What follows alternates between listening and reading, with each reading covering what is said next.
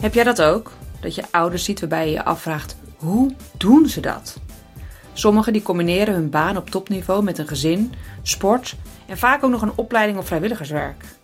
En bij anderen vraag ik me af vanwege hun professie of hun persoonlijke situatie. Nou, in deze podcast ga ik voor jou op onderzoek uit. Op onderzoek naar inspiratie. Zodat wij ouders van elkaar kunnen leren hoe we een relaxer en gelukkiger leven kunnen leiden. En daarmee een inspirerend voorbeeld zijn voor onze kinderen. Succesvol balanceren en succesvol opvoeden dus. Want dat willen we uiteindelijk toch allemaal, hoe we ons leven dan ook inrichten. Als je al langer mijn podcast volgt, dan weet je dat ik twee soorten ouders interview. Enerzijds ouders die op topniveau werkzaam zijn over hun combinatie van werk en privé. En anderzijds ouders die vanuit hun expertise andere ouders kunnen inspireren om een relaxer en gelukkiger gezinsleven te leiden. Nou, mijn kandidaat van de 18e podcast is dat allebei.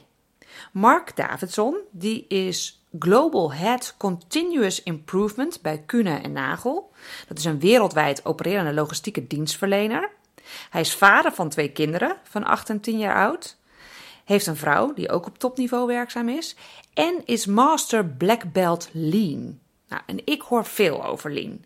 Maar wat is het nu precies? En nog veel belangrijker, wat kun jij ervan leren om een relaxter en gelukkiger leven te leiden? Nou, dat ga ik voor je uitzoeken in dit interview.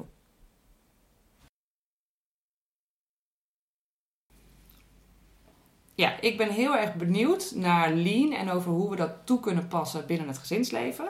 Maar voordat je daarover gaat vertellen, wil ik je vragen of je wat kan uitleggen wat lean precies is voor de luisteraars die dat niet weten. Ja, dat is een, eh, een, een, heel lang verhaal. Um, want er zijn ontzettend veel boeken over geschreven in de afgelopen decennia. Maar eigenlijk komt Lean meer op een, op een, een collectie aan principes, uh, methoden, technieken en ook simpele tooltjes die ja, bedrijven, organisaties uh, eigenlijk in staat stellen om zoveel mogelijk met zo min mogelijk te doen. En dat is niet vanuit besparingsoptiek, maar dat is veel meer vanuit ja, hoe kan je nou um, um, zoveel mogelijk efficiënt met elkaar werken. Um, en eigenlijk voorkomen dat je tijd besteedt aan dingen die helemaal niks toevoegen. En dat klinkt eigenlijk heel platgeslagen, maar het komt voort uit de, de harde noodzaak die, waar dit allemaal uit is ontstaan. In de auto-industrie, in, uh, ja, eigenlijk na de oorlogsjaren. Um, waar ja, men met name in, in Azië met hele grote tekorten te maken had. En, en, toch een hele grote concurrentie zag vanuit Amerika. En dat wilde evenaren. Tekorten in wat? Tekorten in mensen, tekorten in middelen, tekorten in, in, in, in materiaal. Maar wel een enorme vraag aan auto's. De, de, economie bloeide weer op en uh, men wilde dat graag gaan leveren. En de uitdaging was van ja, hoe kunnen we dus zo efficiënt mogelijk gaan produceren met al die beperkingen die we hebben. Nou, en, uh, dus het puur uit een bedrijfsnoodzaak ontstaan. De term lean bestond toen ook nog lang niet. Het is puur gaan, gaan pionieren. Mensen zijn gaan, gaan denken van, joh, hoe kunnen we nou met alle beperkingen die we hebben, um, hoe kunnen we daar zoveel mogelijk productie van maken? Um, eigenlijk is lean, um, de term is pas eind jaren 90 ontstaan toen er vanuit universiteiten in Amerika en Engeland onderzoek is gedaan naar de automobielindustrie. En toen stuitten ze eigenlijk op, op hele grote verschillen in de manier hoe de westerse industrie dat deed versus hoe de Aziatische industrie dat deed. En toen zijn ze verder gaan, gaan onderzoeken om te kijken van ja, waar komt dat nou eigenlijk door? Hoe hebben die organisaties zich nou anders ontwikkeld? Hoe hebben ze zich nou anders ingericht? En hoe doen ze hun werk dus gewoon kennelijk anders? Waardoor ze eigenlijk best wel heel veel succesvoller zijn dan, dan wat die westerse zijn. Um, dat zijn ze gaan opschrijven en daar zijn principes uit ontstaan. En er zijn studies verder naar verricht. En ja, toen is ook de term lean geboren. Niet uit de zin van, um, ja, het, betekent natuurlijk slank, um, maar niet uit de zin van ja, we vermageren. Nee, het is veel meer vanuit het principe van hoe ben je nou um, ja, ben je atletisch, wendbaar, flexibel. Hoe ben je daar slank en sterk in als organisatie? Want verandert ontzettend veel dagelijks in, in elke baan, in elke job, in elk product, in elke dienst. En een van de principes die, ze, uh, die je vanuit Lean heel erg terugziet, is dat, dat bedrijven heel erg wendbaar en heel flexibel worden. Terwijl ze ook nog eens een keertje heel erg efficiënt zijn. Nou, op het moment dat je dat zo, nu ziet, een aantal decennia later, dat er ontzettend veel over geschreven is, um, ja, dan komen daar een aantal hele mooie principes wel uit naar boven, um, die, die, die anderen ook heel makkelijk in staat stellen om het op te pakken. Ik bedoel, die Japanse auto-industrie die heeft er 70, 80 jaar over gedaan om zo goed te worden als dat ze nu zijn. Ehm, nou, dat, die snelheid die kunnen we gelukkig uh, een stuk inhalen met alle kennis die er nu is opgeschreven en die, uh, die nu ook vrij toegankelijk is voor iedereen. En jij bent betrokken geweest bij toen het Lean gedachtegoed ook in Nederland geïmplementeerd werd? Nou, nee hoor, dat, zo zou ik het niet zeggen. Um, ik, ik, ben zelf heb ik leiding gegeven aan logistieke uh, operaties. Um, heel veel plezier, altijd al decennia in de logistiek aan het werk. En um, eigenlijk, ja, ik, ik, gaf, ik was vrij jong, ik was 26, gaf, gaf leiding aan een vrij grote, uh, grote club, grote logistieke magazijn in Nederland. En ja, ik had er best wel zwaar mee, dus ik kon alle hulp wel gebruiken. en toen kwamen ze vanuit het hoofdkantoor met een, een lean-programma denk, nou, wat zal het zijn? Maakt niet uit, kom maar langs, want we hebben zoveel te doen en uh, zoveel uh, zorgen, uh, kom maar helpen. En eigenlijk heeft het me toen gegrepen. Toen heb ik voor het eerst kennis gemaakt met, met wat basisprincipes.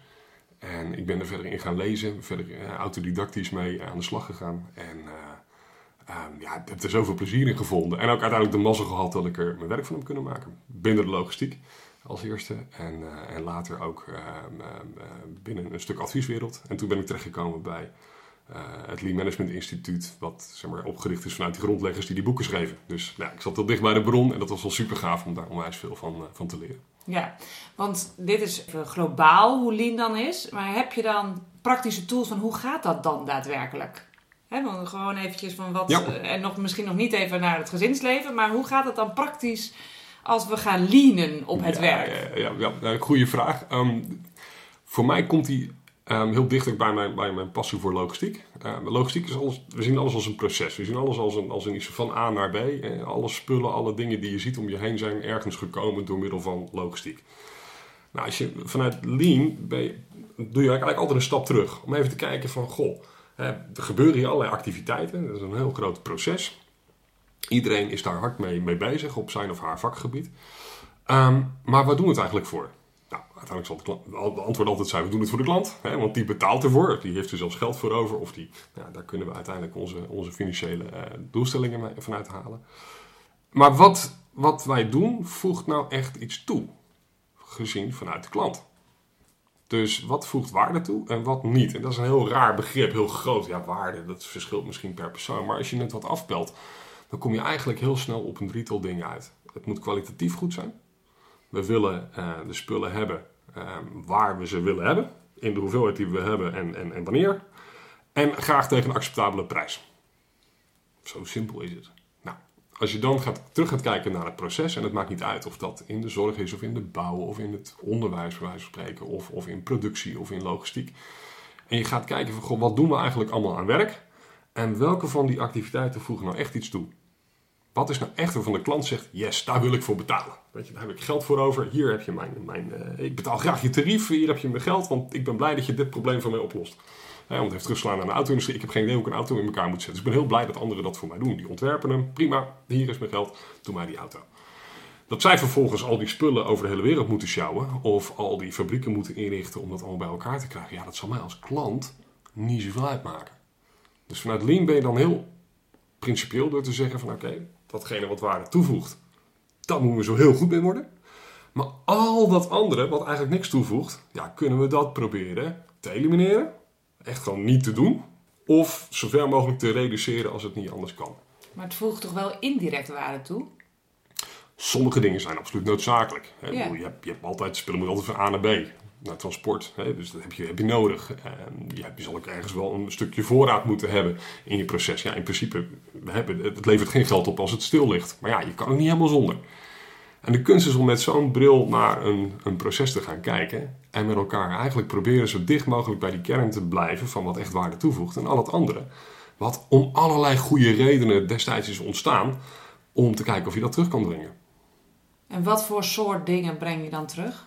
Aan, denk bijvoorbeeld aan administratie. Hoeveel wordt er wel niet bijgehouden? Hoeveel wordt er wel niet gecontroleerd in het proces? Dan kan je denken, ja, weet je, controle is nodig, het moet wel goed gaan. Ja, maar wacht even, als het nou gewoon niet fout kan gaan, hoeveel moet je dan nog controleren? Dus kan je niet gewoon op zodanige manier het werk inrichten dat die controle helemaal niet nodig is? Ehm, wat je vaak ziet op, op, op, op, op websites. Ik heb laatst weer eh, op een webshop uh, wat kleding besteld. En uh, dat ging mis, want het formulier vulde zich automatisch in met mijn gegevens in mijn computer. En ik had op verzenden gedrukt, bleek dat mijn, mijn huisnummer niet was ingevuld. Ja, dan komt die zending niet aan, dat gaat mis, dus die moet weer terug. Dus allemaal wat we noemen verspilling in dat proces. Die, die, spullen zijn voor niks verzonden, zijn weer terug en nog gecrediteerd worden. Alleen maar omdat mijn huisnummer niet was ingevuld. Nou, dus ik heb ze de suggestie gedaan, jongens, volgens mij moeten jullie het formulier aanpassen om te zorgen dat je niet verder kan als dat huisnummer niet ingevuld is. Ja. Klinkt heel simpel, maar oh ja, werd ik voor bedankt. Top, uh, dankjewel. Hier is een kortingsbon voor, uh, voor je volgende bestelling.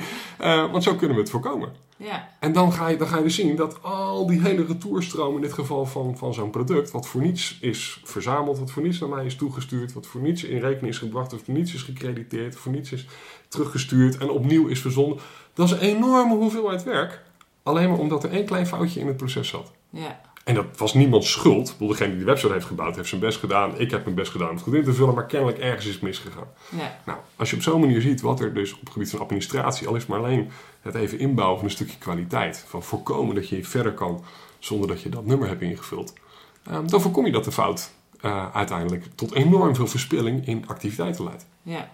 Want het enige wat ik voor wil betalen is het feit dat ik die spullen thuis krijg. Punt. En de rest, ja, um, daar betaalt niemand voor, daar betaal je als bedrijf voor. Dus op het moment dat je terug gaat nadenken over, ja, wat is nou datgene waar die klant echt voor wil betalen en wat doen we nog meer? Ja, dan is dat vaak een schrikbarende conclusie van, oh jee, wat hebben we ontzettend veel activiteiten binnen ons bedrijf die om allerlei redenen waarschijnlijk wel nodig zijn, maar vanuit de klant gezien helemaal niks toevoegen. Nou, daar begint het eigenlijk uh, op het gebied van Lean. Om, om van daaruit te gaan kijken van ja, hoe hebben we dat proces dan ingericht?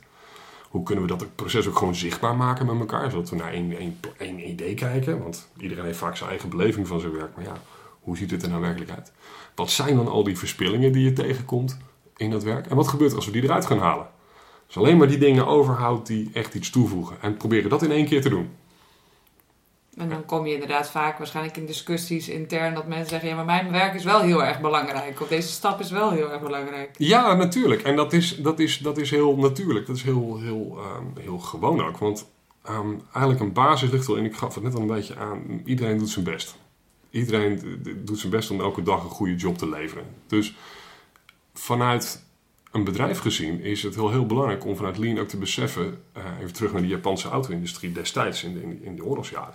Ja, die hadden gewoon niet de tijd en die hadden ook niet de mensen om ze aan werk te laten doen wat niks toevoegde. Ja, sorry jongens, daar hebben we echt, we komen mensen tekort, we komen spullen tekort, dus hoe kunnen we je zo, best, zo goed mogelijk inzetten? Als je het dan terugvertaalt naar een heel fundamenteel element, is het ook wel respect. Ik, ik, zou, ik vind het vervelend als mensen binnen ons bedrijf bezig zijn, hun, hun levenstijd besteden aan dingen die eigenlijk niks toevoegen vanuit de klant gezien. Dat wil niet zeggen dat ze hun best niet doen. Dat wil niet zeggen dat ze niet goed bezig zijn. Of, nee, het betekent dat je met elkaar even moet gaan kijken. Joh, je, je komt hier je tijd besteden met elkaar als team. Hoe kunnen we dat nou zo goed mogelijk inzetten? Nou, dat vereist vaak wel dat je met elkaar op een goede manier naar zo'n proces gaat kijken. Dat je het wel goed in beeld brengt en echt een, eventjes afstand neemt tot. En dan gaat zien, joh, hoe doen wij dit eigenlijk? En is het wel zo logisch? Want vaak zitten er heel veel frustraties en heel veel van die kleine verspillingen, of soms ook wel grotere verspillingen, ook in het dagelijks werk. Ja, weet je, het is soms zo lastig voor mensen om er nog iets aan te doen. Ja, die leveren er maar mee. Dit moeten we nu helemaal zo doen. Nou, waar, waar, waar Lean op neerkomt, is dat je met elkaar heel hard kan zijn om te kijken met elkaar naar het proces van, goh, wat voegt hier dit in toe en wat niet. Maar tegelijkertijd ben je ook met elkaar als team bezig van, ja, hoe kunnen we hier nou uh, met elkaar een, een, een, zo goed mogelijk stuk werk van maken. Want alle tijd die we vrijmaken uh, uit het weghalen van die verspillingen, ja, die kunnen we besteden aan allerlei andere dingen. Allemaal goede ideeën over hoe onze klanten nog beter kunnen bedienen. Die dingen waar we, waar we graag willen, maar waar we niet aan toe komen. Ja, op het moment dat je die verspillingen eruit haalt, komt dat ineens in bereik. Ja. Hey, en ik zocht eventjes op internet al van lean binnen het gezinsleven. Ja. Ik kwam daar echt verrassend weinig tegen. Terwijl ik jou eigenlijk dingen hoor zeggen over evalueren, over bewustzijn van welke dingen we doen en welke dingen we niet doen. En om eigenlijk de kwaliteit te verhogen van de dingen die belangrijk zijn. Nou, als we het nou hebben over onze luisteraars, hè, dat, dat mensen zijn, ouders zijn die het druk hebben. En die, ja, dat als je kijkt naar verspilling, om, om meer tijd te hebben of meer kwalitatieve tijd te hebben, dat dat enorm uh, veel waarde op kan leveren voor ouders. Dus ik ben, vind het verrassend dat dat dus eigenlijk, nou in ieder geval in mijn zoektocht op internet, dat ik dat bijna niet terugkwam. Dus ehm, ik ben benieuwd, ja, jij bent al zo lang met Lean bezig. Wat kunnen ouders daar nou van leren binnen hun gezinsleven? Ja. Ik denk dat er wel een reden is waarom het zo weinig wordt toegepast. Want het is echt een zakelijk ding. Je bent met zakelijke processen bezig, klantwaarde. Maar ik denk als je naar je eigen gezin gaat kijken, dan, is, dan ben je je klant van je eigen proces. Ja. En, en, en, en als eerste is om is te bedenken voor jezelf als klant zijnde van ja, wat vinden wij nou echt belangrijk? Wat is nou die waarde waar we zo graag naar streven? En iedereen kan wel een mooi wensenlijstje opleveren. wat zou je allemaal willen in de toekomst? Maar het gaat veel meer voor mij ook, binnen ons gezin ook, van ja, wat vinden we nou belangrijk met elkaar? Nou, als je het hebt over uh, kwaliteit, levering en kosten, die, die, die, gouden driehoek waar het, uh, waar het ook in het bedrijfsleven om gaat. Dan gaat het er voor ons om bijvoorbeeld dat wij uh, een, een, in het weekend quality time met elkaar besteden. En dat kan zo simpel zijn als zijn we hebben even niks in de agenda. En we hebben gewoon een lekkere lummelochtend op de, op de bank. of we gaan bewust iets doen. We gaan een mooie reis maken met elkaar. Dat, dat, dat, daar zit kwaliteit in voor ons. Dus daar streven we naar. Als je dan kijkt met een leanbril naar het hele proces, van hoe hebben we dat dan ingericht? Dus we nemen even afstand. Ja, dan zien wij wel dat wij we zijn gezegend met een hartstikke leuke vriendenkring, en een goede familie en allerlei mensen die heel graag met ons willen afspreken. Hartstikke leuk en dat doen we ook graag. Maar we, het overviel ons ook een beetje dat we zagen dat ehm, ja, als we zomaar al die afspraken in onze agenda's laten landen, ja, voor je het weet zitten die weekenden vol. En heb je twee, drie afspraken in het weekend. En nou ja, kwam dat voor ons over als zijn, ja, we zijn gewoon door aan het werken en we komen helemaal niet tot aan die quality time die we met de kinderen graag willen. Dus een stapje terugnemen, kijken naar dat, naar dat proces. Ja, maar hoe komt dat nou? Nou, één praktisch element kwam eruit dat mijn vrouw heeft haar agenda en uh, ik heb mijn agenda en wij hebben samen onze agenda en kinderen hebben afspraken. Nou, kunnen we wat digitale hulpmiddelen gebruiken om er één agenda van te maken. En die is dan ook heilig. Nou, wat, ik zat al na te denken over je vraag natuurlijk eh, in voorbereiding hierop. Van wat, wat voor Lean-principe zit erachter? Nou, een van de principes vanuit Lean is ook dat je heel erg je best doet om dingen zichtbaar te maken. Als je het niet ziet, kun je het ook niet managen. Dus wij hebben de stap gezet om onze agenda, onze digitale agenda, uh, die kan je met elkaar delen. Ja, die is echt heilig. En dat is wel even wennen, want soms vergeet je wat, of zij vergeet wat, of we komen elkaar tegen dat er toch een conflict is. Maar dan zien we het tenminste en het liefst zo vroeg mogelijk. Nou, dat geeft ons ook de ruimte om uh, om te zien van ja, maar oké, er staat al een afspraak dit weekend. Nou, prima, eentje is goed. Maar we houden zeker een dag vrij met elkaar. En zo hebben we het proces bekeken, we hebben het zichtbaar gemaakt. En we hebben elkaar afspraken gemaakt, een stukje standaard werk ingericht, zoals dat heet, binnen lean termen. Om te zeggen van oké, als je ergens een afspraak hebt, dan zet je hem in de agenda. En in principe is het wie het eerst komt, wie het eerst maalt. En als er een conflict is, nou ja, prima, dan hebben we het erover. En zo houden we, bewaken we in met elkaar de kwaliteit van die, uh, die vrije tijd in het weekend met de kinderen. Ja, en jij zegt van, uh, dat jullie ook in die fase zijn geweest dat jullie veel afspraken hadden en dat je dacht, oh jeetje, is dit wel het leven wat we willen leiden? Ik denk dat dat heel vaak heel veel is bij ouders, dat je onvoldoende bewust bent van waar je, welke stroom je eigenlijk in zit. 95% van alles wat we doen is onbewust gedrag. Dus hoe komt het moment, of wat was voor jullie de aanleiding om te zeggen: hé, hey, maar we zitten nu in dit patroon en dat patroon bevalt eigenlijk niet? Want ergens moet er een moment van bewustwording komen. Ja. Is dat bij jullie een vaste procedure waarin je daar je tijd neemt om te evalueren binnen je gezin? Of was er iets waarvan je dacht: oh ja, maar toen dachten we, dit is niet meer oké? Um, nee, we hebben er geen procedures of processen of afspraken of vergaderingen voor ingepland. Hè. Wat dat betreft is het werk het werk en is het privé ook uh, privé. Um, nee, ik denk dat we daar wel um, met elkaar ja, ook wel, wel, wijs in geworden zijn door, uh, door de grenzen uh, te overschrijden. Ik zeg altijd, je weet pas waar je grenzen ligt als je ze ook een keer opzoekt. En uh, zowel mijn vrouw als ik hebben allebei wel gemerkt dat we op een gegeven moment gewoon te vol zaten. Dat je thuis komt en dat je nog door moet met werken, voor je gevoel. Um, omdat je gewoon te veel hooi op je vork genomen hebt. Um, en dat je ook merkt dat je naar elkaar kribbig wordt en dat je naar de kinderen kribbig wordt. Tenminste, dat is zo uit dat zich bij mij. Uh, oh, wacht even, ho, ho, dit is niet goed. Dus wat dat betreft, als je het hebt over, over kwaliteit, um, dan heeft dat bij ons ook wel geleid tot wat uh, zichtbare triggers. Van oké, als een van ons uh, uh, te veel in de stress zit, dan moeten we het even ergens over gaan hebben. Maar dan moeten we dat dan ook wel doen. En dat is ook wel iets wat we hebben moeten leren. Dat, ja, voor, voor, voor je het weet probeer je over maar omheen te werken en omheen te managen, want het is al zo druk. En dan laat je dat probleem, of ja, die verspilling, als je een lean hebt, laat je in stand. Het gaat niet echt lekker, en, maar we nemen ook niet de tijd om het dan te verbeteren. Wat volgens mij heel erg veel gebeurt juist binnen gezinnen. Ja, absoluut. En dat, is bij ons natuurlijk ook gebeurd. Ehm, en dat gebeurt nog. Dan denk ik, shit, dit ging echt niet goed. Maar we zijn dan wel in, in die zin heel respectvol naar elkaar ook. Nogmaals, dat iedereen doet zijn best. En we vangen het ook met elkaar af. Dus, dus uh, als mijn vrouw heel druk is, um, ja, dan, dan zorg ik er dat ik er ben om de kinderen naar school te brengen. En, en andersom ook. Als ik op reis ben, ja, dan zal zij wel in moeten springen. En als dat niet uitkomt, ja, dan proberen we het eromheen te plannen. Um, dus, dus we zijn daarin, um, het moment waarop we uh, zeg maar, acteren en naar dat proces gaan kijken, ja, dat, dat komt eigenlijk heel natuurlijk. Soms ook wat te laat. Maar we merken dat we er steeds beter in worden om de zaken uh, geregeld te krijgen. Ja, ja wij hebben, eh, dan moet ik zeggen dat, dat het, het erin krijgen als een vast patroon nog best wel een uitdaging is. Uh, maar hebben wel tijden op uh, zondagavond dan tijdens het diner een, uh, ja wij noemen dat boenen, van wat werkt er wel, wat werkt er niet. Ja. dus om echt met de kinderen terug te kijken op wat is er deze week gebeurd. En wat werkte daarin, nou ja, precies wat ik net zeg, wel of wat werkte niet.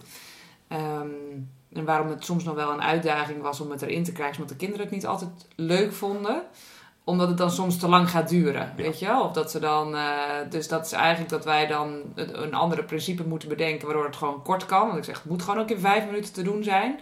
Maar wel om elke week even met elkaar stil te staan bij... Ja, jongens, zijn er dingen die anders kunnen... waarin we daar gelukkiger van worden? Ja. En zo'n vast moment helpt wel om, om juist die bewustwording... even erbij stil te staan. Ja, nee, absoluut. Het, is, het stuk van zelfreflectie is, is heel belangrijk hierin. En uh, wat, wat, wat meer op een, een lean term op de achtergrond, Hansai noemen ze dat in het Japans. Dat is echt de eindeloze zelfreflectie. Door echt ook kritisch te kunnen zijn naar jezelf. Ja, wat ging er nou niet goed? En dat bespreekbaar te maken. En, en op, zo'n manier met elkaar ook te kijken van ja, wat willen we daar nou in veranderen. De uitdaging zit er natuurlijk in om die veranderingen ook te doen. En dat is vaak niet eenvoudig. Hè? Als je kijkt hoezeer je, we allemaal routinedieren zijn en, en um, ja, vaak het resultaat er maar een gevolg van is. Ja, om dan terug te gaan die routines aan te passen, dat is wel een uitdaging. Ja. En dat, merken we in, dat merk je in het bedrijfsleven uh, net zozeer, in, in, de logistiek ook. We zijn allemaal uh, gewend om in een bepaald ritme, een bepaalde volgorde, een bepaalde manier ons werk te doen. En zo doen we dat thuis dan vaak ook. Om daar dan veranderingen aan te brengen. Ben ik wel benieuwd hoe jullie dat dan doen. Hoe wij dat dan doen? Um... Nou, kijk, het, lastigste is denk ik om het inderdaad dat patroon erin te krijgen. Hè? Want daarom zeg ik, we zijn begonnen met elke zondagavond. Nou, wat voor mij altijd heel erg werkt, is gewoon een herinnering in mijn telefoon zetten. Mhm.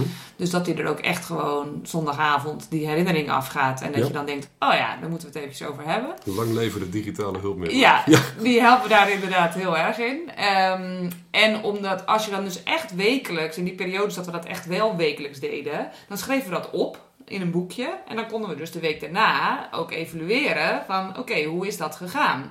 Oh ja, en is het nog nodig om ergens aan te, eh, te scherpen?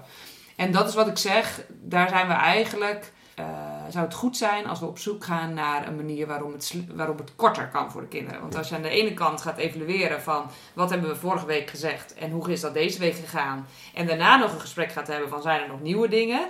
Dan duurt het te lang, weet je. Dan ben je echt een half uur, drie kwartier bezig. En dan raken we hun aandacht kwijt. Natuurlijk kunnen we het natuurlijk ook met z'n tweeën doen, weet je. Wij hebben tijden eigenlijk als wij... Ja, en inmiddels gaat dat dus eigenlijk ook als een normaal patroon en routine. Maar in het begin liepen wij er nog best wel heel vaak tegenaan. Dat, eh, ja, denk ik veel in, eh, vaak in huishoudens, dat de vrouw nogal de neiging heeft om veel dingen op te pakken.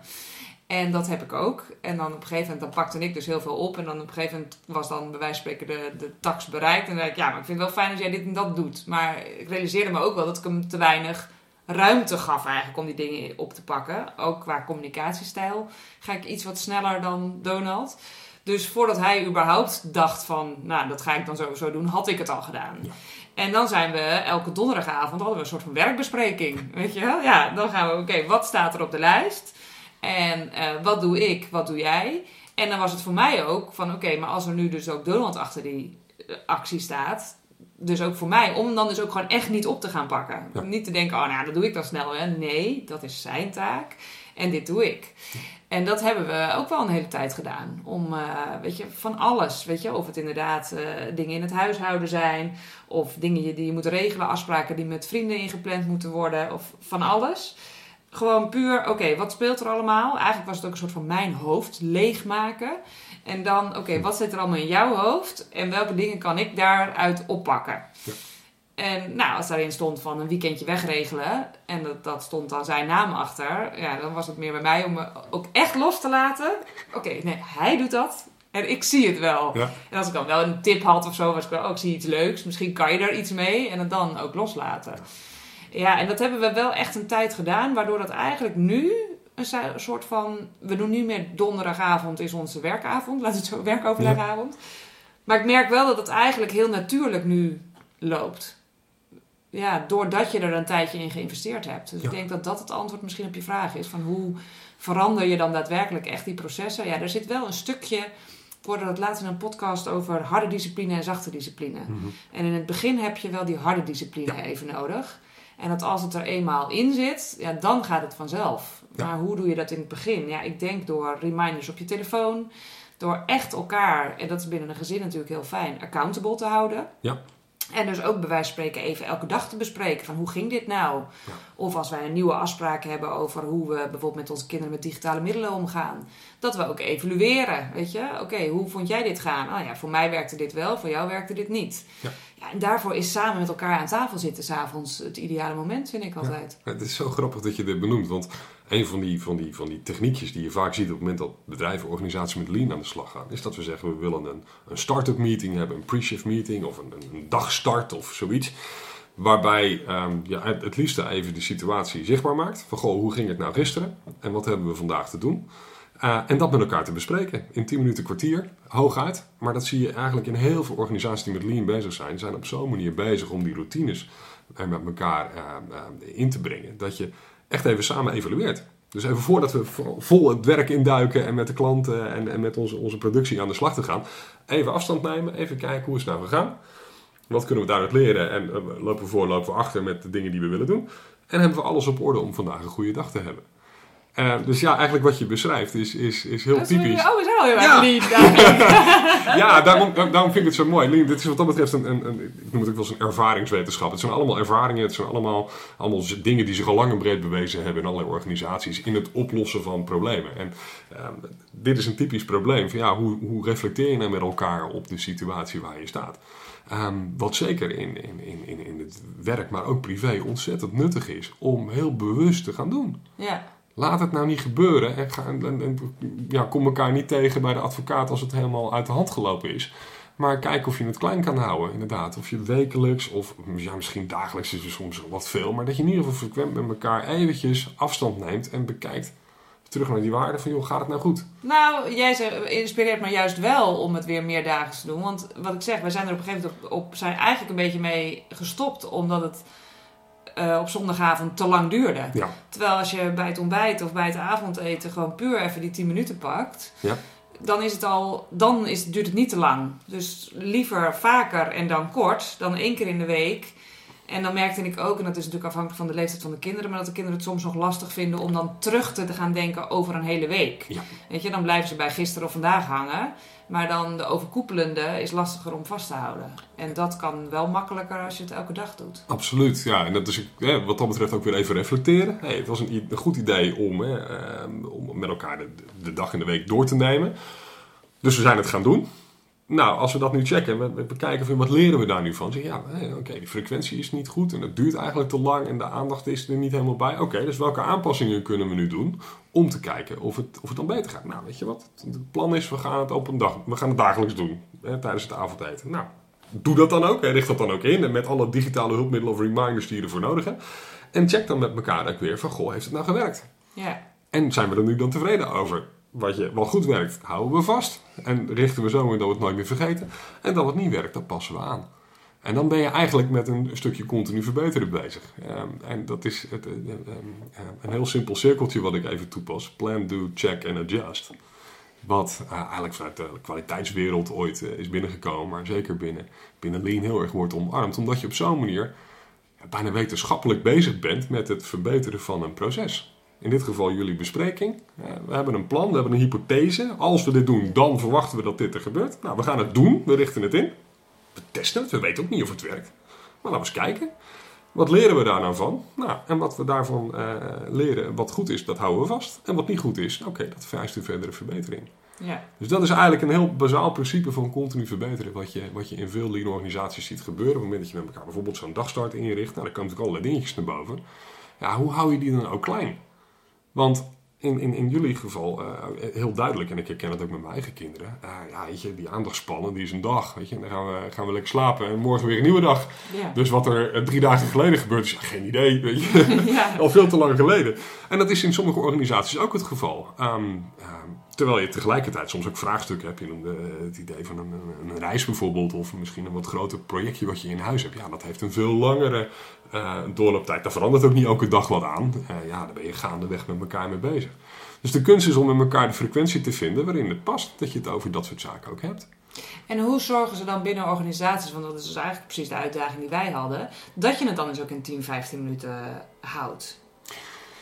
Ja, nou, een van de harde manieren um, is gewoon letterlijk stoppen na een kwartier. Ook echt, nou ja, shit, we zijn niet klaar. Nee, oké, okay, goed, dat is voor onze deflectie. Maar ja, we stoppen nu wel even met dit idee. Want we hadden afgesproken dat we het in een kwartier zouden doen.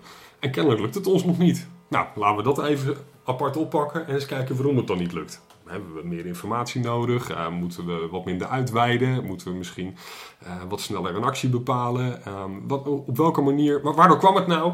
Wat is nou de grote waarom-vraag? Waarom kwam het nou dat we uit die tijd liepen? Ja. Waardoor kwam dat? Nou, en als we dat weten, dan kunnen we er ook wat aan doen. Ja, dat vereist een beetje discipline.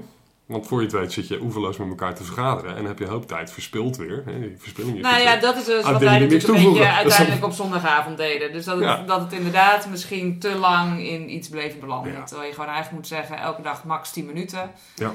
En ik vind het wel heel sterk dat je daarin ook het belang van alle klanten, hè, niet alleen van jou en je man, maar ook van je kinderen daarin hoog houdt. Om te zeggen, het duurt inderdaad te lang. Want er is ook zoiets als gewoon gezellig lekker met elkaar keuvelen en aan tafel zitten. En maakt niet uit hoe lang het duurt. Maar dan ben je iets anders aan het doen ja. dan dat je heel specifiek um, ja, de, de, de, de, de privé-situatie wil gaan verbeteren. Ja. Nou ja, en wij vinden het ook heel belangrijk wat zij dan dus inderdaad, wat voor hun niet werkt. Weet je? Ja. Dus dat het niet alleen maar is van oké, okay, wij zijn aan het zenden van wij vinden dit niet werken. Maar nee, oké, wat vinden jullie niet werken? Ja.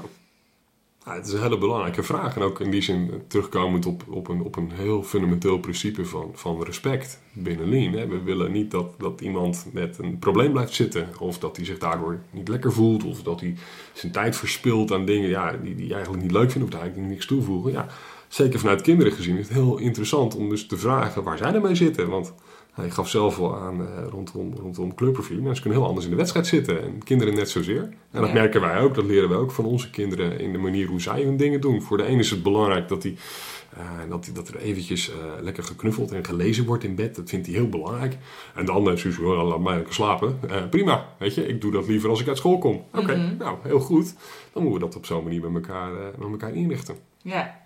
Even een korte onderbreking, want Mark die refereert aan communicatiestijlen waar we het eerder over hebben gehad. Maar dat deel waarin ik dat met hem besprak was voordat we het interview opnamen. Dus ik kan me voorstellen dat het voor jou een beetje uit de lucht komt vallen. Communicatiestijlen gaan erover dat elk persoon een bepaalde voorkeur heeft qua communiceren en dat die nogal kan afwijken van de andere persoon. Bij ons is het zelfs zo geweest thuis, bij Donald en mij, dat het inzicht in communicatiestijlen ons huwelijk heeft gered. Of anders, er was misschien niet eens een huwelijk geweest, want het was zelfs nog voordat we getrouwd waren. Dat wij niet wisten van de kennis van de verschil in communicatiestijlen en juist op die punten heel erg botsten. Terwijl toen we daarmee aan de slag zijn gegaan, werden de verschillen daarin juist onze kracht. En we weten beter hoe we met de anderen moeten communiceren om te zorgen dat het plezierig is voor ons allebei. Het wordt heel veel ingezet. Misschien ken je het onder de naam van DISC of Insights of Management Drives. Wordt het vaak ingezet binnen het bedrijfsleven. En dat doen wij overigens ook. En daarnaast zetten wij het ook in binnen het gezinsleven. En daar is het verrassend effectief. Omdat je niet alleen de communicatie met je kind enorm kan verbeteren. ook, zoals ik net vertelde, met je partner. Maar dat je ook heel erg werkt aan het zelfvertrouwen van het kind. Nou, wil je daar meer over weten? Ga dan even naar www.succesvolbalanceren.nl. Daar staat een gratis videoserie waarin we in een van de sleutels over deze communicatiestijlen vertellen. En je kan uh, gratis twee hoofdstukken van het boek voor ouders downloaden. En in een van die hoofdstukken vertellen we er ook heel veel meer over. Nou, en als je er nog veel meer over wil weten, kan je uiteraard ons contacten. We geven er online en live trainingen over aan ouders, aan leraren, uh, pedagogisch medewerkers en ook mensen die ja, binnen het bedrijfsleven werkzaam zijn. En dan gaan we nu weer terug naar het interview. Hey, en heb je andere tips die, waarvan jij... Want ik hoorde zelfs iemand een keer ooit over Lean praten... dat hij zijn koelkast Lean had ingericht. Ja.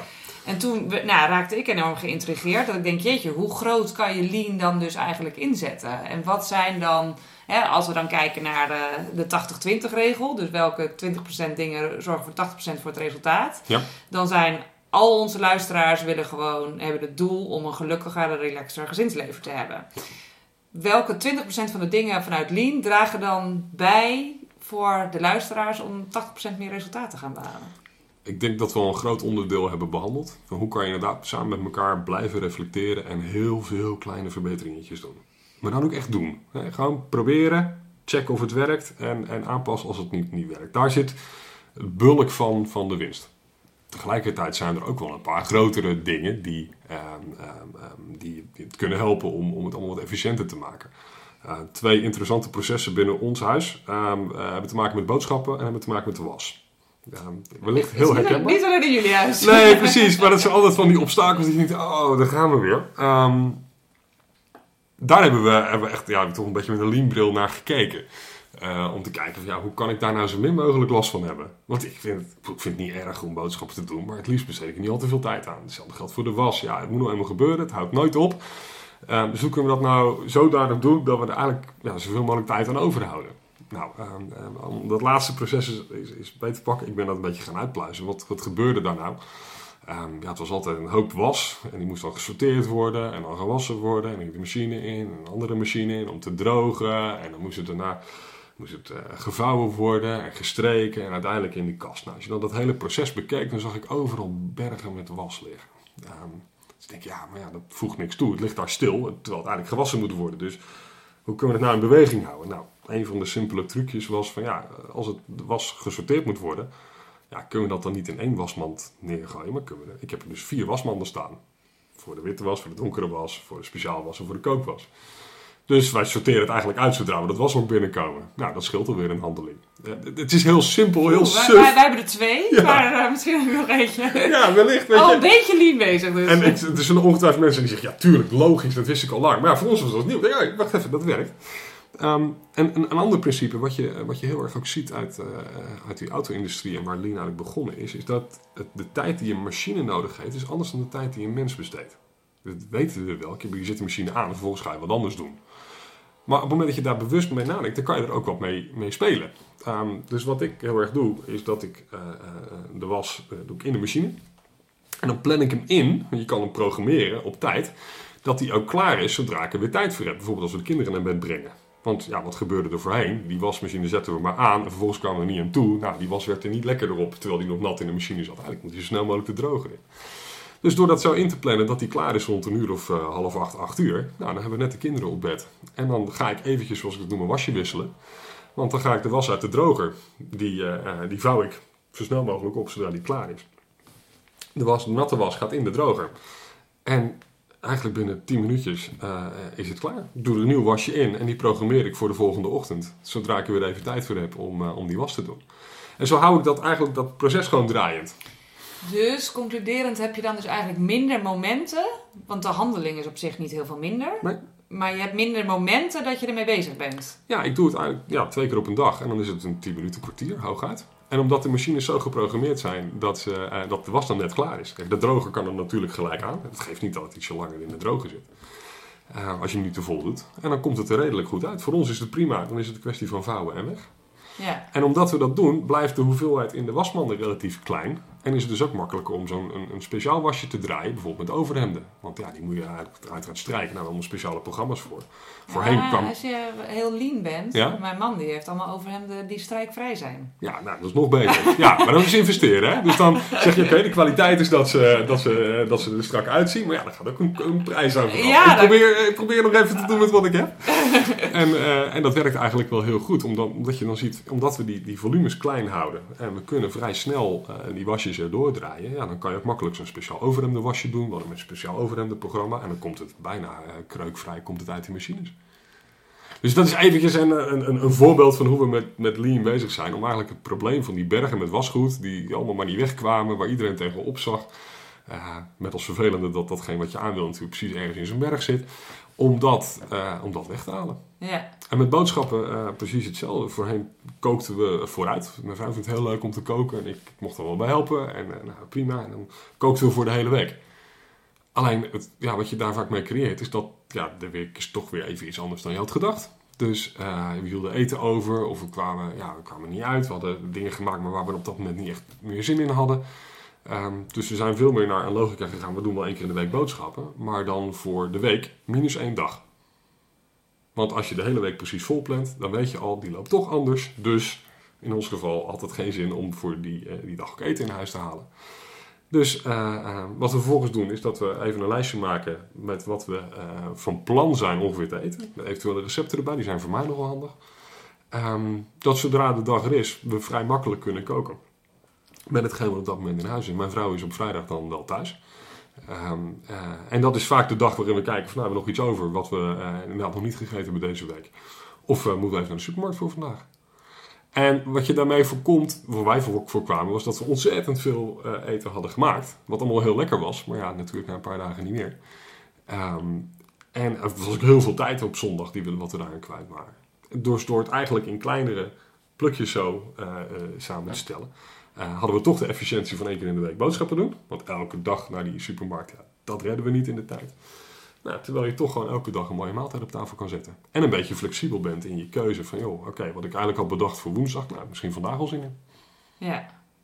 Dus eigenlijk proef ik eruit, is heel erg bewust kijken naar de processen die nou, misschien ook wel een beetje niet leuk zijn. Ja, Met name die processen. Ja. Van hoe kunnen we de processen die niet leuk zijn, hoe kunnen we die nou slimmer inrichten? ja. En eigenlijk zit daar voor mij ook wel de lol in.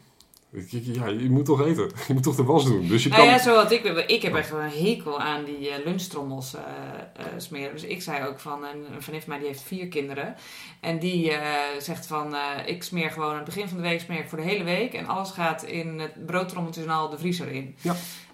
Nou ja, goed. Ik zei ja, ik zeg ik heb er ook een hekel aan. Dus lijkt me een goed plan. Dan heb je even één moment. Maar je hoeft namelijk ook niet dan vijf keer die keuken weer schoon te maken. Nee, het is één keer een moment. Ja. Maar goed, tegelijkertijd zijn mijn man en mijn zoon van... Ja, maar wij vinden het fijner om het elke dag te doen. Dan zei ik, nou prima. Maar dan doen jullie het Dan ook. moet je het ook zelf doen. Ja, ja, ja. En dat doen ze ook. Ja. Dus dat is fijn. Ja, dus die gaan dat dan met z'n tweetjes doen. Ja. Dus ja. Nee, dus het- je moet wat dat betreft ook uitkijken met lean thuis. Want het, eh, de, de, basis gaat wel om dat je je tijd goed besteedt. Hè? Dat je zo streeft naar zo kort mogelijke doorlooptijden. Alles zo efficiënt mogelijk. Maar je kan er ook helemaal op losgaan. Weet je, als het op een gegeven moment fijn is en het werkt zo, klaar. ja. Weet je, dat zegt mijn vrouw ook. Van, hou alsjeblieft op, want eh, ik hoef de koelkast niet perfect ingedeeld te hebben. Want weet je, ik vind het prima zo. Ik kan alles zien, ik kan alles vinden en het is geen probleem. Mooi.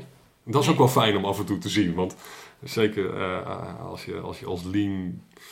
eh, ja, hoe zeg je dat? Eh, ik, ja, ik noem mezelf als een beetje een efficiency nerd. Je kan er echt wel in doorslaan. Want die verspillingen, dus waar je tijd aan kwijtraakt, het eigenlijk niks oplevert, die zijn overal. En die houden ook nooit op. Die zijn ook nooit weg. En zeker ook niet thuis. Dus ja, op een gegeven moment moet ik zeggen, nou is klaar. Nee, klopt. En het is wel belangrijk om bewust te worden of het een probleem is of niet. Hè? Want ik het. ben dan heel erg benieuwd hoe jullie, jij en je vrouw, eh, ook zelf bijvoorbeeld met social media omgaan. Want als het over verspilling hebben, dan Ja. is dat vaak, weet je, als, als je optelt hoeveel mensen op social media zitten. En dan vervolgens hoor ik ze zeggen, ja, ik heb geen tijd om een boek te lezen. En dan denk ik, je hebt geen tijd om een boek te lezen. Die heb je wel. Je kiest er alleen voor om anders te besteden. En Ja. om ook eigenlijk te versnipperd, hè? Want die social media, ja, wie denkt er na een kwartiertje dat hij op eh, zo Instagram heeft gezeten? Yes, nou, ik heb echt veel meer energie nu dan dat ik daarvoor had. Ja, herkenbaar. Nee, wij zijn daar, ehm, ik denk een beetje in, aan het teruglopen. Ik, voor mezelf in ieder geval, ik merk dat ik, ehm, ik hou het sowieso strikt gescheiden. Uh, LinkedIn is zakelijk en Facebook is privé. Uh, dus uh, wat dat betreft is er ook geen, geen of een, een, een zo, dat, hoe heet het, zo mooi, fear of missing out. Dat ik alles maar bij moet houden omdat iedereen overal wat doet. Nee, ik heb daar gewoon zakelijk gezien heb ik mijn afspraken en mijn netwerk ingericht. En privé hebben we dat ook wel om te zorgen dat je gewoon echt contact houdt. Dus uh, ik vind de nadruk op social vind ik belangrijker dan het media gedeelte daarvan. En als ik kijk waar ik iets als Facebook voor gebruik, dan vind ik het heel erg efficiënt om contact te houden met mensen die jarig zijn. Echt briljante functie. Hartstikke leuk ook gewoon om het te ontvangen, maar ook om, om, om te geven. En bij LinkedIn ook, hè? En bij LinkedIn werkt het ook, maar dat vind ik, ja, het is een beetje voor mij op de grens. Is het nou privé of is het zakelijk? Ja. Um, en als ik kijk, nou, ik ben een groot Formule 1 fan bijvoorbeeld. Nou ja, op de enige plek waar dat allemaal mooi bij elkaar komt is op Facebook. Dus ik kan ze allemaal volgen of op Twitter. En ik kan, dat allemaal, ik kan vrij snel een vrij overzicht krijgen van hetgeen wat ik wil weten uit die media.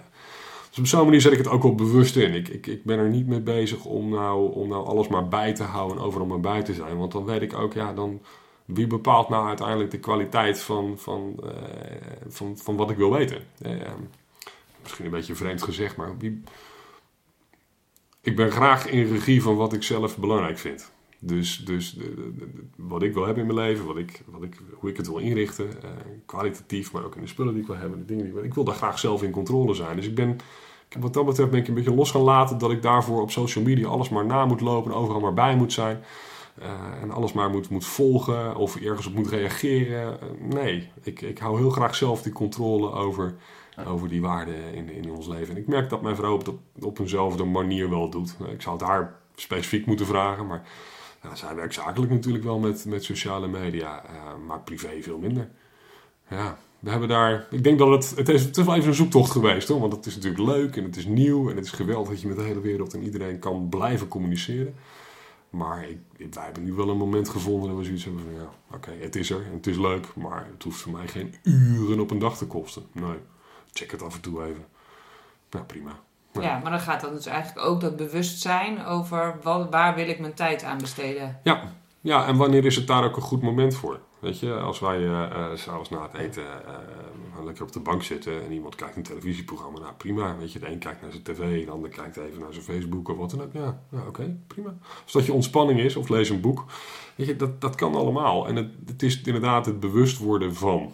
En, en uh, inderdaad, het vergelijk wat je uh, stelt is treffend. Als je ziet hoeveel tijd je er onbewust aan kwijt kan raken, ja, dan is eerst dat stukje zelfreflectie weer op zijn plaats. Van ja, maar wacht even, hoezo geen tijd? Tijd is voor iedereen hetzelfde. Ja. Iedereen heeft het. Het is de vraag welke keuzes je maakt om het in te richten. En waar baseer je die keuzes ook op?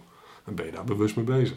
Ja, en dan gaat het natuurlijk ook niet alleen over social media. Hè? Want ik denk uh, dat, dat uh, zowel Donald als ik relatief weinig met social media zijn. Ik moet het inderdaad ook voor mijn werk doen, maar het is niet mijn favoriete deel, nee. uh, moet ik heel eerlijk bekennen.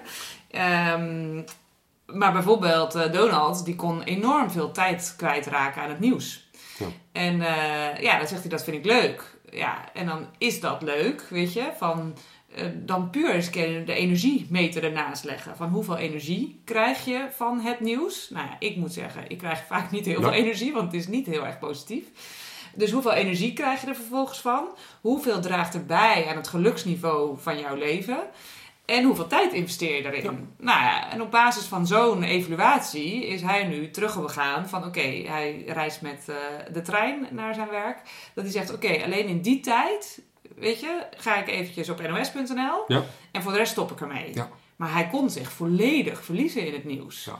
Dus het is ook wel goed om te kijken van ja, waar verlies je je in? Hoeveel tijd kost iets dan? En ja, want zo spreek ik ook wel ouders hoor. Die zeggen, ja, maar ik vind boodschappen doen niet erg. Weet je, als ik zeg van joh, je hebt het pick-up point waar je het ongeveer bijna gratis op kan halen. Ja, maar ik vind boodschappen doen niet erg. Ik zeg, ik vind boodschappen doen ook niet erg. Maar er zijn wel andere vormen van tijdbesteding die ik veel leuker vind dan boodschappen doen. Ja, tuurlijk. Dus als ik kan besparen op die boodschappen, ja, dan kan, ga ik liever een spelletje doen met mijn kinderen. Ja. Dus terwijl ik boodschappen doen als zich ook niet erg vind. Dus, maar ik kan er wel bewust voor kiezen van, oké, wanneer vind ik het nu fijn om gewoon eventjes lekker door die supermarkt, omdat ik het gewoon leuk vind. Of, nou, 9 van de 10 keer denk ik, nou, oké, als het op een snellere manier kan, als iemand anders het voor me inpakt, Ja, is het ook handig. Ja. dan is het ook heel fijn. Ja, ja nee, dat, dat, klopt. En ik denk dat dat, dat is het leuke eh, als, je, als je met een leanbril naar je eigen leven kijkt. Is om te zeggen van ja, maar wat werkt nou voor mij? En wat werkt niet en waarom? Eh, en kan ik dus ook iets anders proberen om op objectief eens even te ervaren of het iets is voor mij. Want heel veel dingen ja, worden je soms aangepraat of dan heb je het oh dat moet ik ook, want dat is nu helemaal hip of dat is nu helemaal trending en happening. En ik ga maar mee en ik maak iets van, wat, wat verwacht je ervan? Ja, ik verwacht inderdaad als ik een pick-up point mijn spullen ophaal, dat het er ook allemaal is. En dat ik dan dus gewoon voor de hele week mijn boodschappen kan doen. Nou, wij zijn ervan teruggekomen, omdat ik toch merk, ja, weet je, we vergeten wel eens dingen. Moet ik alsnog naar de supermarkt. Ja, en dat, komt, dat wordt dan als extra vervelend ervaren, omdat je dacht zoveel efficiënter te zijn. Hè? ehm, dus ja, wij, wij doen dat niet. Nee, nou, omdat het voor ons prima is om, om op zaterdag of zondag eventjes eh, met het liefst, nou, ondertussen wel met z'n tweeën. Kinderen kunnen wel even thuis blijven, die zijn oud genoeg. Om met z'n tweeën even die boodschappen te doen. Nou, Maar dan heb je het wel geëvalueerd. Dus dan kom je weer in die feedback loop. Heb je wel even zegt- over nagedacht, dan werkt dit nou voor ons of niet? Ja. Ja, Ja, dus het gaat eigenlijk heel erg lean, wat ik zo opmerk, over bewustwording, over hoe dingen sneller kunnen en, Ja. en je gelukkiger kan. Neem nou bewust dus afstand van, van die, die dagelijkse gang van zaken. Over je, je man die verliest zich in, in, in, in, in nieuws, of deed dat. Nou, die heeft iemand nodig om daar even naar te kijken. En te zeggen, hey, wat, is dit inderdaad hoe we het willen inrichten? Nou, en als je daar vandaan met elkaar, met alle respect voor het feit dat hij daar helemaal prima plezier in heeft, eh, kijkt van, ja, maar is dit nou inderdaad wat we willen? Dan kan je met elkaar zeggen van, nou, ja, misschien niet. Misschien moeten we het anders doen. Hebben we dan de oplossing paraat? Nou, nee. Ik bedoel, oplossing is een eindsituatie. Ja, dat weet je nooit. Of het perfecte oplossing. Maar je kan wel wat maatregelen nemen om te bedenken van... hé, hey, hoe zou het zijn als we... En kunnen Ja. we dan eens wat proberen? En als we wat proberen, nou, dat wil niet zeggen dat het gelijk eh, goed of fout is. Nee, gewoon eens kijken. Laten we gewoon eens leren daarvan. Als we het anders doen, bevalt het dan beter? Ja, dus het is echt een way of thinking en een way of life eigenlijk Ja. uiteindelijk. Dus, eh, hey, en dan ben ik benieuwd, hè, want eh, jij hebt zelf een hele erg drukke baan.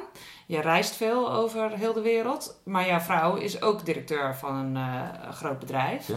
Dus hoe waken jullie er dan voor dat jullie in, in alle planning en dingen die in jullie gezin geregeld moeten worden, dat, dat je er ook nog voldoende tijd is voor jullie samen? Ja, dat is, een, eh, dat is best wel een uitdaging. Ehm, ehm, ehm, want, ja, inderdaad wat je zegt, we zijn best heel druk. We zijn, eh, een van ons is vaak vroeg weg. En een van ons vaak dan, is dan ook weer, weer laat thuis. Ehm, wat we daar heel praktisch in inrichten, is dat we wel eh, heel erg ehm, respect voor elkaar hebben. Het is niet het een gaat voor het ander. Nee, zij heeft haar leven, zij heeft haar bedrijf. Ik heb mijn leven met mijn eh, functie in een wereldwijde logistieke organisatie. En dat is, ehm, dat doen, we doen het allebei omdat we het gewoon onwijs leuk vinden. Nou, en om dat in stand te houden moet je ook met elkaar eh, daar respect voor hebben. En tegelijkertijd ook gewoon flexibel zijn. We hebben een aantal dingen ingericht die daar heel erg bij helpen. Ehm, ehm, eh, we hebben gewoon één keer een week iemand in huis die helpt met schoonmaken. Gewoon omdat we er eigenlijk bijna niet aan toe komen. Nou, dat, is, dat kost een paar tientjes per week. Eh, maar het is zo fijn. dat is heerlijk. Ehm, we hebben ook de mazzel gehad met buren dat we een oppas aan huis hebben gevonden. In plaats van eh buitenschoolse opvang en kinderdagverblijven die op een vast tijdstip sluiten. Nou hebben we ook een afspraak dat om half zeven gaat ze naar huis. Maar dat is, dat is zo'n stuk rust wat we daarmee hebben gevonden. We waken er met elkaar voor, nou wat ik al eerder zei, door ook, nou, en dat heb ik ook in andere van je podcast eh, heel goed gehoord. Iedereen zegt, het is allemaal planbaar. Eh, je kan het gewoon in je agenda inzetten. Joh, we doen niks in dat weekend. Of we zijn, we zijn gewoon die avond even samen thuis. Oh goh, ik ben twee avonden weg, zij is twee avonden weg. Nou, die laatste avond zorgen we echt dat we gezellig met elkaar eten. Hè, dus dat, dat, soort, eh, op dat soort manieren zorgen we er echt voor dat het, ehm, dat op zijn plek valt. Ehm, en tegelijkertijd zijn we ook flexibel. Ehm, want, eh, en dat kan omdat we die basis hebben staan. Ja, wat ik al zei, als, als, er iets in de agenda in een conflict dreigt te komen, dan moeten we even met elkaar over hebben. Goh, kan jij het anders regelen? Kan ik het anders regelen? Linksom, rechtsom, allebei tegelijk weg, dat gaat niet. Of we moeten een noodmaatregel nemen en uh, oppassen en opa's en oma's en dat soort dingen. Maar we kunnen daar gelukkig op terugvallen, maar het is heel weinig nodig, gelukkig. Puur omdat we met elkaar het, zichtbaar houden. Uh, we bespreken het. En ehm, uh, ja, we handelen er ook gewoon met, met respect naar. Het klinkt echt alsof het al echt van een leien dakje gaat bij jullie. nou, dat zijn absoluut. Nee, er zijn natuurlijk echt wel, echt wel uitdagingen die we hebben. Um, um, neem inderdaad, als ik op reis moet. Nou ja, binnenkort een weekje naar Engeland, maar ik moet ook wel verder weg. Ja, dan, dan staat ze er een hele week alleen voor. En dat is wel heftig. Ik probeer dat wat dat betreft ook gewoon zoveel mogelijk goed te plannen. Ehm, ehm, en dat valt weer terug in de manier waarop ik ook mijn werk heb ingericht. Ik probeer ingericht te houden om daarin ook verrassingen te voorkomen. Uh, dat ik niet ineens op stel en sprong naar de andere kant van de wereld zou moeten. Uh, ja, dat, dat zou niet passen bij ons leven. Dat gaat echt niet. Maar zodra zaken, zolang zaken planbaar zijn uh, in de tijd, je letterlijk even wat tijd koopt om het met elkaar te regelen, is het prima te combineren. En ook wetende dat er uh, momenten zijn in de, in de agenda die voor haar bedrijf heel belangrijk zijn. Uh, waarop zij het echt niet is, of die voor haar binnen haar netwerk heel belangrijk zijn, uh, avonden waar ze naartoe gaat. Ja, dan, dan ben ik er gewoon thuis. Ja, en dan ben ik heel pragmatisch om ook tegen, aan de werkkant te zeggen: ja, jongens, dat gaat niet. Ja. ja. ik bedoel, als ik over naar een werkdag kijk en er staat een afspraak, ja, dan kan je er wel iets overheen proberen te plannen, maar grote kans dat ik niet kom. Nou, datzelfde geldt met onze privé-agenda. als daar dingen staan, ja, weet je, dan kan ik gewoon niet. Ja. Ja, dat is gewoon weer een probleem. En er zijn vast andere manieren om dingen op te lossen. Dan dat je nou uh, jezelf drie slagen in de ronde moet werken om het privé allemaal maar op orde te houden omdat het zakelijk voorgaat. Nee, zo doen we dat niet. Ja. En je zegt alles is dan planbaar. Dus plan je dan ook de quality time met z'n tweeën? Nee, niet echt. Niet echt. We, maken, we zorgen dat we de tijd voor vrij houden. Eh, zoals ik al in, in de weekenden en, en af en toe in de avond.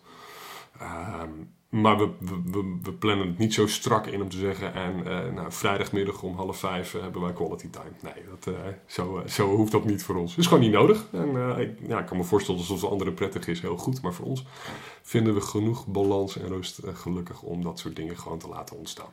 Ja. ja. Mooi. Nou, dat klinkt. Ehm, hey, en want je doet, ja, jullie ehm, staan heel bewust in het leven. Jullie hebben allebei dat, dat die drukke baan. Hoe zorg je dat je energie hoog blijft? Want energie is daarin cruciaal. Goed voor jezelf zorgen. Heel fundamenteel. Um, ik geloof wat dat betreft ook, hè, als je het hebt over balans en, en, en werk-privé balans, dat klinkt alsof het verschillende dingen zijn. je hebt je werk, je hebt je privé en je hebt jezelf. Um, en die, moeten alle drie op orde zijn om, om goed te kunnen functioneren. Dus ik geloof wat dat betreft ook niet over uh, dat dat heel erg verschillend is. Ik bedoel, je neemt jezelf overal mee naartoe. Dus ik ben veel meer bezig met hoe kan ik het integreren. Uh, en dan, dan hoe houden we het nou allemaal gescheiden en alle ballen in de lucht. Want zeker op energievlak, um, het is voor mij belangrijk dat ik genoeg slaap. dat merk ik elke keer weer als het niet lukt. dan merk ik dat ik de volgende dag op werk uh, moeite heb om, uh, om, om, om, om alles gedaan te krijgen. Dan merk ik dat ik moe thuis kom en zag rijden naar de kinderen. Dus ja, ik heb alleen maar mezelf ermee op het moment dat ik niet genoeg slaap. Dus, en hoeveel slaap is dat voor jou? Ik slaap ongeveer 6,5, eh, 7 uur per nacht. Dat is voor mij genoeg. Ja. Um, um, en, um, dus ik, en ik dan ook al uh, ben ik wat later naar bed gegaan. Ik zorg bijvoorbeeld dat ik, uh, dat ik heel fris wakker word. Even een, een, koude douche eroverheen. Dan ben ik klaar wakker en dan begint mijn dag vol met energie. dat zijn van die kleine life hacks die ik ook wel heel erg leuk vind om te ontdekken en ook weer te proberen. En te zien wat, wat voor me werkt. datzelfde geldt met sporten even weer last van een blessure, maar ik ga heel graag even hardlopen. Hardlopen is een prima sport die je nou, met weinig investering uh, overal kan doen. Als ik op reis ga, neem ik altijd mijn spullen mee en trek mijn schoenen aan en, ga even een rondje lopen. Dus dat is op zich een sport die heel flexibel is, maar die me toch even in staat stelt om letterlijk mijn hoofd leeg te lopen, even buiten te zijn en, goed voor mijn lijf te zorgen. En er komt bij ook qua, qua voeding. Uh, doe ik mijn best om, om gezond te eten. Uh, ik vind die maaltijdsalades die ze bij de supermarkt hebben briljant. Uh, nou, pak ik er graag eentje van mee voor de lunch. In plaats van dat ik ja, ga uit eten ga of weer zwaar ga snacken of dat soort dingen. Ik heb wel gemerkt als je het hebt over routines, dat hoe langer ik dat ben gaan doen. In het, bewust, ja, in het begin was het echt heel bewust erop sturen. Maar het is gaandeweg steeds meer gewoonte geworden. En ik, ik weet prima wat mij wat dat betreft qua energie in, eh, in balans houdt. Ja, mooi. Hey, ik heb nog een aantal vriendenboekjesvragen aan je. Oké. Ehm, het leukste wat ik samen met mijn kind heb gedaan is? Op reis zijn. Op reis in verre landen. Ehm, de wereld ontdekken door hun ogen. Dat is ongelooflijk leuk. Nou houden wij ook heel erg van reizen, dus dan ben ik benieuwd wat jouw favoriete land is. Oeh, dat is heel moeilijk. Um, the world is my playground, zeg ik wel eens. Um, Oeh, dat is heel moeilijk. Um, Nee, ik, heb, ik heb geen favoriet land. Ik, ik, kan, ik kan in België al naar mijn zin hebben. Uh, terwijl we ook een fantastische reis in Maleisië hebben gemaakt met de kinderen. Uh, die overigens mijn zoon had uitgezocht. Dat was alweer een, een zijsprongetje. Maar een van de dingen waar we de kinderen in betrekken, nu ze, uh, ze zijn nu 8 en 10. hebben gezegd, nou, als, je, als je acht jaar bent, negen, dan krijg je aardrijkskunde op school. Dus dan leer je wat van de wereld. Um, en ik heb zelf altijd genoten van de reis met mijn ouders, totdat ik op een gegeven moment er weinig zeggenschap in had en zoiets dat ik ga liever mijn eigen koers. Um, dus we hebben uh, de kinderen nu gevraagd: nou, uh, als jij, uh, jij mag ook om de beurt bepalen we waar we naartoe gaan op vakantie. Dus um, in plaats van dat wij het altijd zeggen en wij bepalen waar en wanneer en proberen voor iedereen naar de zin te maken, nou, wat zou jij nou doen? En um, nou, onze, onze oudste zoon die had bedacht dat hij ergens wilde slapen in het vliegtuig. Hij, Um, dus ik denk, oké, okay, dat zet al een streep door Europa. Um, hij wilde ergens wat warm was, waar, waar, waar dieren zijn, een strand. En het moest modern zijn, zei hij. Oké, okay, wat bedoel je dan? En dan kom je in Maleisië uit. nou ja, toen hebben we hem achter de destination guide van, van KLM gezet. Dan kan je klikken op plaatjes en dan zien eh, waar je heen gaat. En dan kwam je op Singapore uit.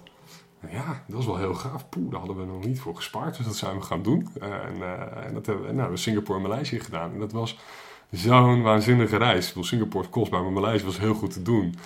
En uh, dat was, dat is, nou ja, hij zal het nooit vergeten. Hij heeft zijn spreekbeurt gedaan over Singapore bijvoorbeeld, uh, als gevolg daarvan. En ja, dat was wel, uh, als je hebt, ja, wat is mijn favoriete bestemming? Dat was een hele waanzinnig mooie reis. En ik ben heel erg benieuwd waar onze, onze jongste binnenkort mee komt. Wat, wat, hoe hij het zal inrichten om het voor iedereen leuk te maken en wat zijn plan gaat worden. En is dat voor deze zomer? Dat die, nee, dat wordt volgend jaar. Volgend jaar? Ja. Uh, ja. Oké, okay. maar dan mag hij echt bepalen? Ja. Ja, ja, natuurlijk bepalen wij het budget en, uh, uh, en, en, helpen we hem natuurlijk om keuzes te maken. En, want ja, hij weet het ook nog allemaal niet. Maar het is zo'n leuk proces om met elkaar mee bezig te zijn. En ja, vandaar dat ik niet één specifieke land heb wat mijn favoriet is. Ja, het is maar net waar we uitkomen. Ja. ja. Mijn kind heeft me geleerd dat. Of mijn kinderen hebben me geleerd dat kleine dingen ontzettend belangrijk en leuk zijn. Al is het maar even met elkaar aan wat Lego bouwen. Um, weet je, eh, we doen allemaal werk, werk en eh, vrienden, relaties en familie. Allemaal belangrijk, belangrijk, belangrijk. En allemaal vaak grote klussen, grote vraagstukken. Maar gewoon heerlijk even Lego bouwen of een boekje lezen is, is waar je je helemaal in kan verliezen met zo'n kleine. En dan duurt het maar een kwartier, een half uur, misschien een uurtje. Uh, ja, kleine dingen zijn heel belangrijk. Ja. Wat mijn kinderen niet van mij weten is. Zo. Wat ik allemaal heb meegemaakt voordat ze er waren. ja, dat is natuurlijk een natuurlijk feit. Um, maar de grap is natuurlijk, ze zijn zelf wereldwijs aan het worden. En je brengt daar heel veel ervaringen van jezelf in mee, die voor jou heel logisch zijn, omdat je ze al hebt meegemaakt. En zij hebben vaak geen idee waar komt die wijsheid nou vandaan? Waar komt die logica vandaan? En uh, ik vind het zo leuk om ze daarin mee te nemen. In, in, situaties waar ik voor een keuze stond of een probleem had. En hoe ik dat toen heb opgelost. Uh, uh, de oudste krijgt nu huiswerk. Nou, ik ben wel met mijn knars tegen de muur gelopen dat ik er niks aan gedaan had. En dus inderdaad bleef zitten. Dus daar probeer ik ze nu voor te bewaken. Maar in plaats van ze nu te zeggen van... ja, je moet je huiswerk doen, je moet je huiswerk doen. Dus van, joh, weet je wat ik heb meegemaakt? Ik zat ook in de klas en uh, ik had er niet zoveel zin in. Dus uh, ik, heb het, uh, ik heb het toen een keer laten lopen. En toen mocht ik niet mee met mijn vriendjes naar de volgende klas. Oh, ja, dat weten ze niet van mij. Joh, heb je... Ja. ja dat, geeft, dat geeft dan zo'n leuk gesprek. Um, waarbij je eigenlijk ja, ook met, met heel veel respect op hetzelfde niveau komt als de kinderen. Die moeten er nog veel leren. Maar om even terug te gaan naar hoe ik was toen zij zo waren. En daar echt een verhaal van te maken. Uh, merk ik dat ze uh, dan heel veel dingen leren over mij die ze echt nog niet wisten. Nee. Ja, mijn dochter vindt dat ook echt in bed ook heel fijn. Soms zeg ik wil geen boekje, ik wil dat jij een verhaaltje over vroeger vertelt. Oh ja. Maar dat, dat is dan ook de opdracht, hè? een verhaaltje over vroeger. Dus het is ook niet heel specifiek. dus ik kan ook eigenlijk denk. En nou is mijn geheugen niet altijd het beste aan mijn kindertijd. Ja, niet, ik heb wel een goede kindertijd gehad, maar mijn geheugen daaraan. Ja, dus, dus dan moet ik echt lopen graven dat ik denk, ja, wat is dan een verhaal en wat is dan ook nog eens een keer leuk? Maar het is wel ook wel grappig om daar zelf dan weer bij stil te staan. Van wat, wat vindt zij dan leuk om te horen? En welke dingen gingen er dan compleet anders dan bij ons? Dus uh, zonder dat je dan gaat bij ons vroeger. Ja, nee, precies. Er zijn heel veel dingen je, Oh, irritant. Ja, ja, ja, Mijn grootste opvoedblunder is... Mijn grootste opvoedblunder. Jeetje. Daar moet ik echt even over nadenken. Dat mag. ja, oh, ik, ik, ik, kan niet zeggen dat ik ze niet heb, maar ze komen even niet te binnen. Maar ik denk dat daar weet je, het natuurgetrouwen in zit van... oké, het gaat dus niet zoals ik het wil, dus ik ga het oplossen. Dus ik laat het ook niet zo uit de hand lopen eh, dat het echt een mega probleem wordt. Maar mijn grootste opvoedblunder. Jeetje. Nou, ik parkeer hem even. Wellicht dat ik er straks nog op terugkom. ik heb geen idee. De beste manier om het weekend te beginnen is? Is uh, sinds kort voor ons een, eh, een, wandeling met de hond. Kinderen zijn lekker aan het relaxen uh, beneden. Lezen iets met een schermpje uh, doen. Uh, en ja, voor ons samen, we hebben daar met, een, met een jonge hond in huis echt plezier gevonden om even een wandeling te maken met z'n tweeën dat is voor ons perfecte manier van het weekend. We komen terug, kids hebben hun schermtijd gehad, uh, iedereen uh, gaat lekker ontbijten. En, uh, en, dan begint het weekend met al het werk. Ja, leuk. Um, ik zou best graag een dagje willen ruilen met. Kom ik een beetje terug op mijn passie voor Formule 1, wat ik heel gaaf vind. Ik zou wel eens willen ruilen met een topsporter, zoals Max Verstappen. Uh, niet zozeer om, om, om hele stoere auto's te rijden, maar vooral om echt met professionals bezig te zijn die je helpen uh, om, om, om uh, ja, je perfecte werk neer te zetten. Op het gebied van voeding, op het gebied van beweging, op het gebied van werk. Um, ja, daar zou ik pas mee willen rijden. Om te kijken hoe het is om in zo'n omgeving een beetje als leidend voorwerp te functioneren. Waarin jij echt wordt opgezet voor succes. Weet je wel ik moet het vooral zelf doen. We moeten het vooral zelf doen. En ik ben heel erg nog steeds autodidactisch. Ik vind het ontzettend leuk om dingen te lezen en dingen te leren. Podcast in de auto, een waanzinnige uitkomst. Hè. Uh, vermaak in de file noem ik het. Ja. welke file? Ik ben hem alweer vergeten, eh, omdat ik heerlijk naar verhalen zit te luisteren. Dus ik zou wel eens willen ruilen met, met, met iemand waar, uh, ja, die echt op zo'n manier tot, uh, tot echt over zichzelf uh, heen stijgt. Met, met hulp van, van veel professionals. Ja, ja, lijkt me cool. Ja, leuk. Hey, en jij vertelde een aantal keren vanuit nou, dingen die je met bespreekt en dergelijke met je kinderen. En waar praat je dan het liefst over met je kinderen? Wat was er leuk vandaag? Wat heb je nou vandaag meegemaakt? Waar heb je nou hard om gelachen? Ja, we noemen um, dat de lach van de dag. Ja. Wat was van jou vandaag de lach van de dag? Ja, precies. precies. Um, ik vind dat stukje reflectie en, en ook, ja, ze noemen het ook zo gratitude hè, op zijn Engels. Eventjes bewust met elkaar stilstaan zonder dat nou heel groot te maken en zeggen we moeten nu een, een dankbaarheidsmoment hebben. Nee, gewoon alleen al door die vraag te stellen. Wat was er nou leuk? We hebben erom gelachen. Komen ze, uh, je vaak even graven. En dan komt er toch weer een glimlachje. En dan komt er een verhaaltje of een verhaal. Uh, ja, waar je ontzettend van kan gaan genieten. Uh, Wat echt heel erg leuk is om gewoon even bij stil te staan. Dingen die goed gingen, dingen die lukten, uh, dingen waar je om gelachen hebt, bizarre situaties. En dat vragen ze ook wel aan ons. En wat was voor jou dan leuk? En dan krijg je ja, diezelfde uitdaging die zij hebben om even stil te staan bij de dag. Van, wat was er nou leuk? Ja. En dat, ja, dat is onwijs gaaf om op, op terug te kijken met elkaar. Ja, Mooi. Hey, is er een vraag die ik had moeten stellen, maar niet gesteld heb? Of iets anders wat je misschien nog kwijt wil, waarvan je zegt, nou, dit lean ding is toch echt voor ouders nog wat ze moeten weten? het is, um, nou, niet misschien een vraag. Um, um, misschien, ja, hoe kan, je er, hoe kan je er zelf mee aan de slag gaan? Uh, dat, is, ja, dat is wel de vraag die, uh, die, die we nog zouden kunnen behandelen voor mij is het antwoord daarop voor heel erg gewoon doen en reflecteren. En vooral doen, doen, doen. Hè. Eh, het is, lean is een ervaringswetenschap. Dat krijg je, je, het is dus een wetenschap, maar je, je, kan het alleen maar tot je nemen door er zelf ook ervaring mee op te doen. Gewoon aan de slag gaan en niet schromen om te proberen. Maak dingen heel erg klein. Als je, als je je tijd kwijtraakt en je eindeloos frustreert omdat je dingen kwijt bent, probeer het eens op een plek te leggen waar je het niet meer kwijt bent. En probeer dat dan eens vol te houden met elkaar.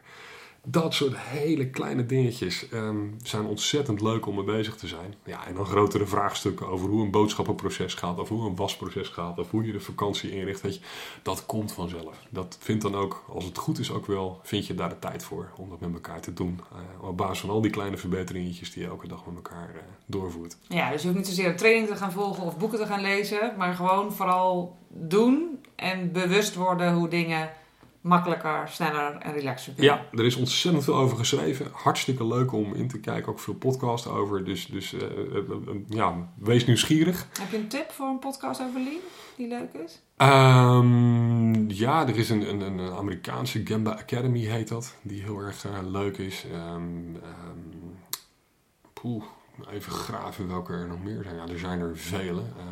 soms ook uh, er, is een, er is een mooie website, Planet Lean heet dat, dat is van, eh, het Lean Management Instituut, waar heel veel verhalen, praktijkverhalen op staan vanuit allerlei omgevingen, vanuit ziekenhuizen, vanuit, vanuit overheden, vanuit allerlei bedrijven, die daar hun ervaringen delen. En vaak is dat verhaal, vind ik altijd het leukst om te horen, want die technieken en die boeken, ja, daar, daar zijn er veel van. Blijf wel bij de bron altijd. Hè. De boeken met name over Toyota zijn heel erg, um, heel erg treffend vaak, omdat dat echt daar werkt. Echt uitgekristalliseerd in plaats van doorgefilosofeerd. Dat is gewoon de praktijk. Um, en wat, wat zijn audioboeken ook, ook heel briljant voor in, uh, voor in de file. Uh, de Toyota Way is bijvoorbeeld een mooie. Uh, Lean Thinking is een aardige om naar te luisteren. En er zijn er een heleboel.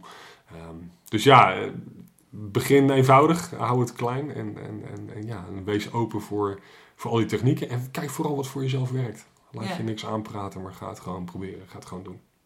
Nou, dan heb ik een cadeautje ook voor je. Want dan ben ik wel benieuwd of dat dan, in welke mate dat aansluit bij Lean. Want de ondertitel van het boek wat ik samen met mijn man schreef, is Ontdek in negen stappen hoe opvoeden makkelijker en relaxer kan. Mhm. Dus dat is qua Lean Way, is dat wel uh, een insteek om, um, nou ja, om het te, te vergemakkelijken. Ja, nou, dus, je, het treft me om het ontdek. Oké, er is een hypothese, er is een idee. Uh, we gaan het proberen en dan gaan we zien of het werkt. Ja. En dan ben ik heel benieuwd naar. Dus uh, dank je wel daarvoor. Ja. Cool. Nou, jij bedankt voor dit gesprek. Echt heel erg leuk.